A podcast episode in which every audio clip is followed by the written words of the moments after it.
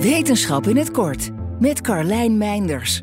2 biljoen ton aan water zouden wij mensen tussen 1993 en 2010 alleen al hebben opgepompt uit ondergrondse waterbronnen.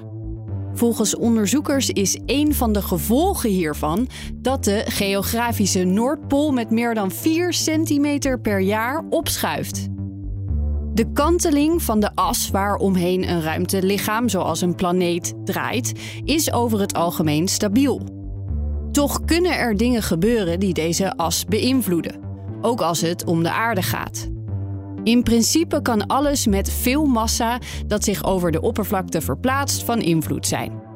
Zoals bijvoorbeeld het weer.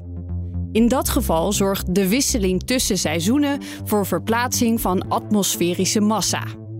Dat zorgt er elk jaar voor dat de geografische polen van de aarde enkele meters kunnen wiebelen.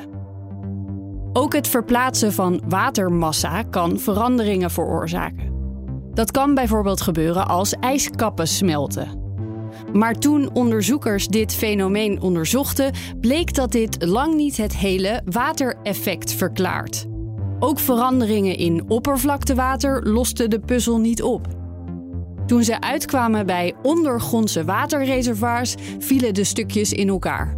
Het oppompen van grondwater, wat vooral in Noordwest-India en het westen van Noord-Amerika gigantisch veel is gedaan, zorgde er tussen 1993 en 2010 voor dat er zoveel massa de oceaan inging dat de zeespiegel wereldwijd met meer dan 6 mm is gestegen.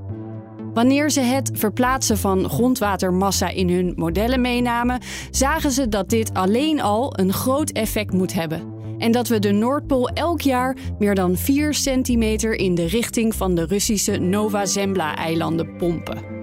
Wil je elke dag een wetenschapsnieuwtje? Abonneer je dan op Wetenschap vandaag. Spotify is partner van Wetenschap vandaag. Luister Wetenschap vandaag terug in al je favoriete podcast-apps.